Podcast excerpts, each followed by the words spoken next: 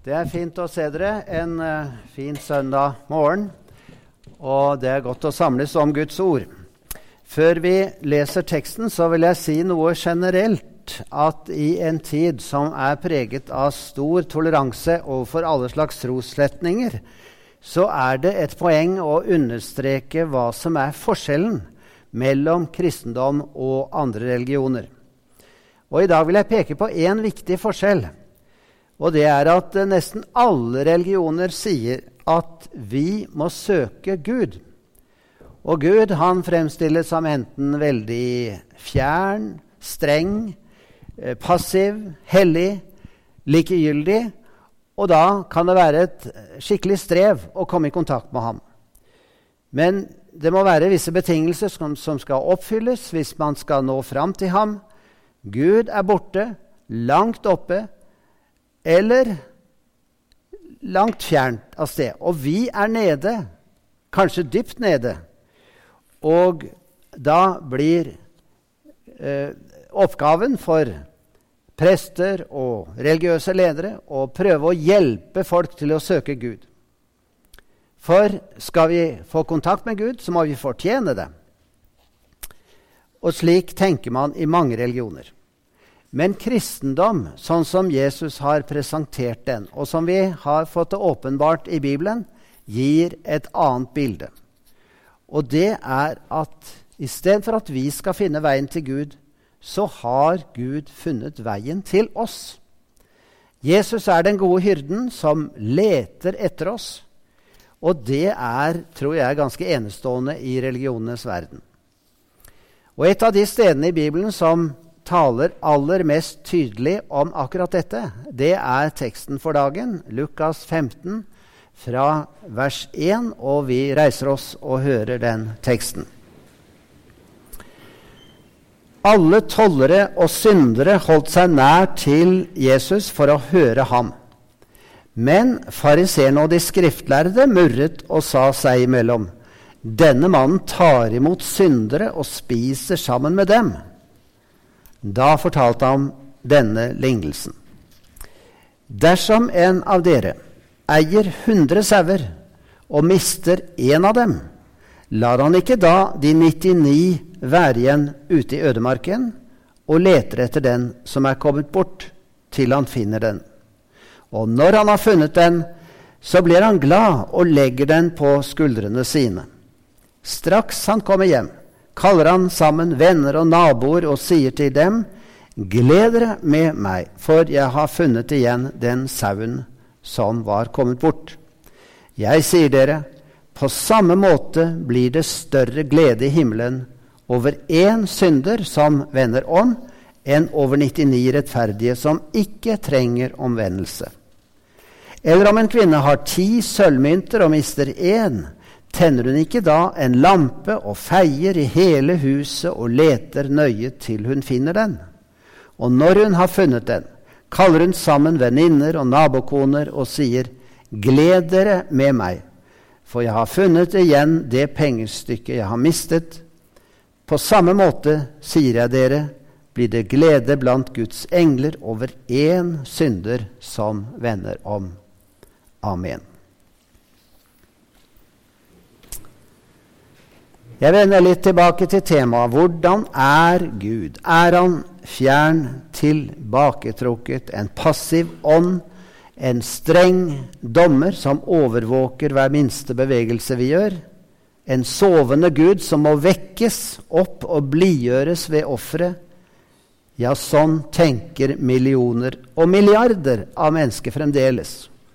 Og Derfor var det fint å få den lille videoen med misjonsperspektivet det er så mange som ikke kjenner Jesus, og som oppfører seg aldeles feilaktig av den grunn. Jeg skal fortelle en historie jeg leste om fra CNN. Faktisk nå 28.6 ble den kunngjort. Det var fra Kina. Om en dame som var veldig engstelig for å fly. Og det kan jo være mange som kjenner på det. Og hun var 80 år gammel og skulle altså dra fra fly, eh, et eh, flyselskap fra Pudong flyplass. Og hun het Kiu. Vet ikke om det uttales riktig, men det skrev QIU. Kiu. Og hun visste at denne flyplassen hadde et dårlig rykte og som sagt gruet seg for å fly. Og Derfor bestemte hun seg for å be til gudene om lykke på reisen og ofre en bønn, som det er uttrykt. Og bønnen ble fulgt av en ofring av mynter for å sikre at tankene hennes ble lagt merke til hos guddommen. Og myntene kastet hun inn mot en motor til en Airbus-fly som var surret og gikk ikke sant, før det var klart. Og Man trenger ikke være flyekspert for å skjønne at det å kaste metallmynter inn i en arbeidende gjenmotor, det er ikke så veldig klokt. Så folk la jo merke til dette her, og det stemmer aldeles. Flyselskapet fikk panikk, stanset alt. Flyteknikerne sjekket hva som hadde skjedd, og de fant ut at han, hun hadde kastet inn sju mynter til en verdi av to-tre kroner. Ikke noe mer. Bare én av myntene heldigvis fant da veien inn i selve motoren. Men å finne ut av dette tok fem timer og kostet titusener i forsinkelser og skader. Og pga. dette måtte alle passasjerene forlate flyet, og man forsøkte å roe passasjerene ned så godt man kunne. Men stakkars fru Kiu hun ble tatt inn til forhør, og hun sa ja, jeg gjorde hva jeg kunne, og hva jeg tror at jeg måtte blidgjøre gudene, og for at jeg skulle vekke dem opp, måtte jeg gi en pengeofring. Så det falt jo ikke i særlig god jord. Og hva kan vi lære av noe sånt? Det tragiske er at fru Kiu hadde ikke hørt hva Paulus skrev, at slike offer til avgudene er ofre til onde ånder, sier han, og ikke til Gud. Og jeg vil ikke at dere skal ha fellesskap med de onde åndene. Det skrev han i 1. Korinterbrev 10,20. Så det å ofre på den måten, som kanskje mange gjør i verden av forskjellige motiver, men ofte av en religiøs begrunnelse, det er egentlig å dyrke de onde ånder, sier Paulus.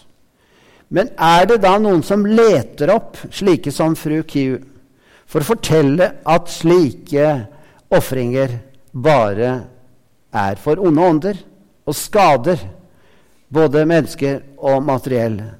I verste tilfelle, som i dette tilfellet her, da. Vi som tror på en Gud som har vist seg i Jesus Kristus, vi vet at Herren er langt mer villig til å høre bønn enn vi er ivrige til å be. Så man trenger jo ikke vekke Gud med et offer. Og fru Kiu hun mente at man måtte gi et offer for å vekke Gudens velvilje. Men vi kristne vet jo at Jesu dyre blod har renset for alle våre synder eh, og gjenopprette troen mellom himmelen og jorden, så vi behøver ikke skape velvilje hos Gud. Han har allerede vist den. Og fru Kiu hun mente at hun måtte bestikke sin Gud med noen mynter for å få oppmerksomhet. Men vi vet at vi har en frelser som oppsøker dem som har gått seg vill, som er med sine barn alltid, og som har oppmuntret oss til å be til ham, også når vi føler at det er en nødens dag, som denne fruen følte. Ja, Derfor syns jeg det er veldig radikalt, det som vi leste fra Lukas 15. Et helt kapittel handler om Guds kjærlighet som strekker seg mot menneskene. Og mennesker som går på ville veier, i forskjellige bilder Jesus bruker, så er altså her Jesus fremstilt som en slags redningsarbeider. Han er ute og gjennomtråler de bratte liene. Han lytter og leter, og han feier i huset, kikker under sengene. Han lar blikket fare hvor som helst og overalt for å hente inn tapte sauer og mistede mynter, som Jesus forteller om. Og når han har funnet det han leter etter, så sies det ikke noe om dom eller betinget status for å teste om den som er funnet, har omvendt seg godt nok. I stedet hører vi om en udelt begeistring, en storartet feiring, et selskap i himmelen. Og Hvis du leser denne teksten en gang til for deg sjøl, så kan du legge merke til hvor ofte ordet 'glad' og 'glede' er nevnt i teksten. Og det er så motsatt av hvordan hedningene treller under frykt og trelldom om å kjøpe seg til velvilje hos Gud, og likevel føle at de ikke finner det. Nei, de gleder seg i himmelen mye mer over én som har omvendt seg og latt seg finne, enn over de 99 rettferdige. Så tenk litt på det radikale bildet av Gud som gjeter, og Jesus som leter etter den han finner. Det er dristig av Jesus å bruke et sånt bilde om gjetere eller hyrder. For, for 2000 år siden så var jo ikke gjetere noen tiltrekkende personer i det hele tatt. De badet svært sjelden. Landet var tøtt og støvete, og vann var en luksusvare. Så det gjaldt å bruke det lille vannet man fant, til å drikke og å gi til sauene, ikke til å vaske seg med. Så en gjeter som tilbrakte det meste av sin tid sammen med sauene, og ikke så mye sammen med andre mennesker, ble jo preget av det.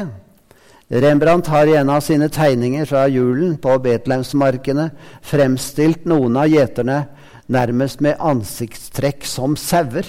Og jeg syns det er ganske treffende at de har noe sånn sauetrekk over seg, disse gjeterne han har tegnet. Så det å identifisere Gud med en gjeter var meget provoserende. Og like støtende var det å, å, tenke på det inntrykket som var skapt av Jesus som en moralsk forkastelig person. Han hadde jo nemlig fellesskap med åpenbare syndere. Og Skal vi oversette det til dagens situasjon, så kan du jo se for deg Gud eller Jesus i tvilsomme spisesteder der man lett kunne få tak i narkotika, eller Gud på søppelplasser i Afrika eller Latin-Amerika, der folk bor, og der barna leter etter noe spiselig. Eh, men det gis i Skriften også et bilde av Jesus, av Gud, som utstrakt naken på et kors, i selskap med kriminelle. Kan du tenke deg så radikalt annerledes? Men vi må se herligheten i dette, at så høyt elsker Gud oss. Og ikke bare oss, men alle syndere og de som har falt dypest ned. Gud er Gud for de fortapte får. Han er en Gud på leting. Og Nå har jeg snakket om gjeterne, men la oss tenke et øyeblikk på sauene. De har jo heller ikke noe godt rykte på seg. Har du tenkt å starte en idrettsklubb eller trenger en maskot for en bedrift, eller noe sånt, så vil du kanskje tenke på å ta en løve, en tiger eller en ørn eller en bjørn. De gir en følelse av kraft og uavhengighet. Men ville noen valgt en sau til maskot? Jeg tror ikke det. For sauene er ikke kjent for smidighet, styrke eller uavhengighet. Og Derfor så trenger jo sauer gjetere. De kan lett gjøre dumme ting. Vel, nå skal jeg ikke være urettferdig overfor sauene heller, for jeg lurer på om en sau noen gang er blitt anklaget for mord eller tyveri fra en nabo. Har en sau noen gang blitt anklaget for å mishandle sitt barn? Har en sau foraktet sin egen kropp? Har en sau hatet sauer med en annen farge enn den selv? Nei, jeg kjenner jo igjen mennesker med slike holdninger. Men en sau har bare én eller to måter å gå fortapt på. Men vi mennesker har tusenvis av måter å gå fortapt. Og vi synes å finne på nye måter å gå fortapt på hver dag som går. Men det grunnleggende er jo å gå bort fra Gud. Og det var sauens problem i dette tilfellet. Og så er det spørsmål finner Gud meg, og lar jeg meg finne. En skolelærer spurte elevene i et område der de drev masse med saueavl og sauedrift. Så stilte han spørsmål til elevene hvis, en, hvis det er tolv sauer på en åker, og en av dem hopper over gjerdet, hvor mange blir det da igjen? En liten kar svarte fort ingen. Ja, du har visst ikke mye greie på matematikk, sa læreren litt spydig. Nei, lærer, svarte gutten min, jeg har god greie på sauer. Hopper én, så hopper alle, naturligvis.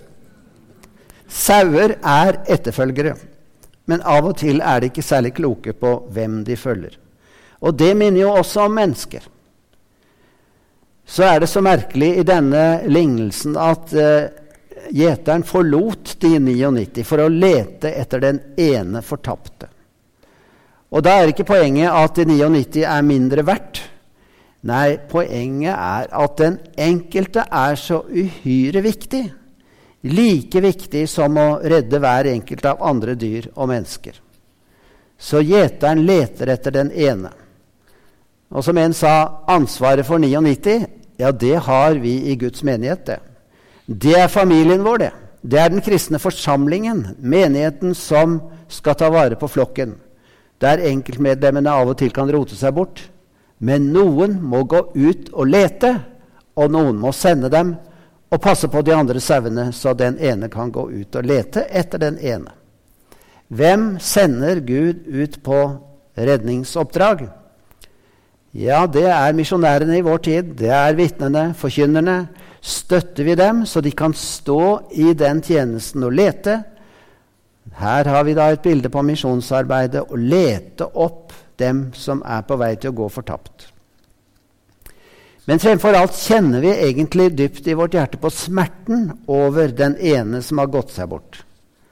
For det må vi starte med, med å tenke på oss selv. Samme hvor aktive vi, er, aktive vi er, og hvor skolert vi er i teologi og alt mulig, samme hvor religiøse vi er i verdens øyne, så forteller lignelsen at det fortapte barnet lever i oss alle. Bibelen sier, Jesaja 53, vers 6, Vi gikk oss alle vill som sauer, hver tok sin egen vei. Men skylden som vi alle hadde, lot Herren ramme ham. Et fantastisk ord eh, som jo er skrevet lenge før Jesu tid, men som peker på det sterke evangeliet. Vi gikk alle vill som sauer, hver vår vei. Men den skylden som hviler på oss, den tok han på seg. Vi har å gjøre med en Gud som har sagt, også i Det gamle testamentet, jeg vil lete opp de bortkomne, føre de tilbake de fordrevne, forbinde de skadde. Esekiel 34, 16. Og blant dem hører vi alle, enten vi er fromme eller syndige utapå.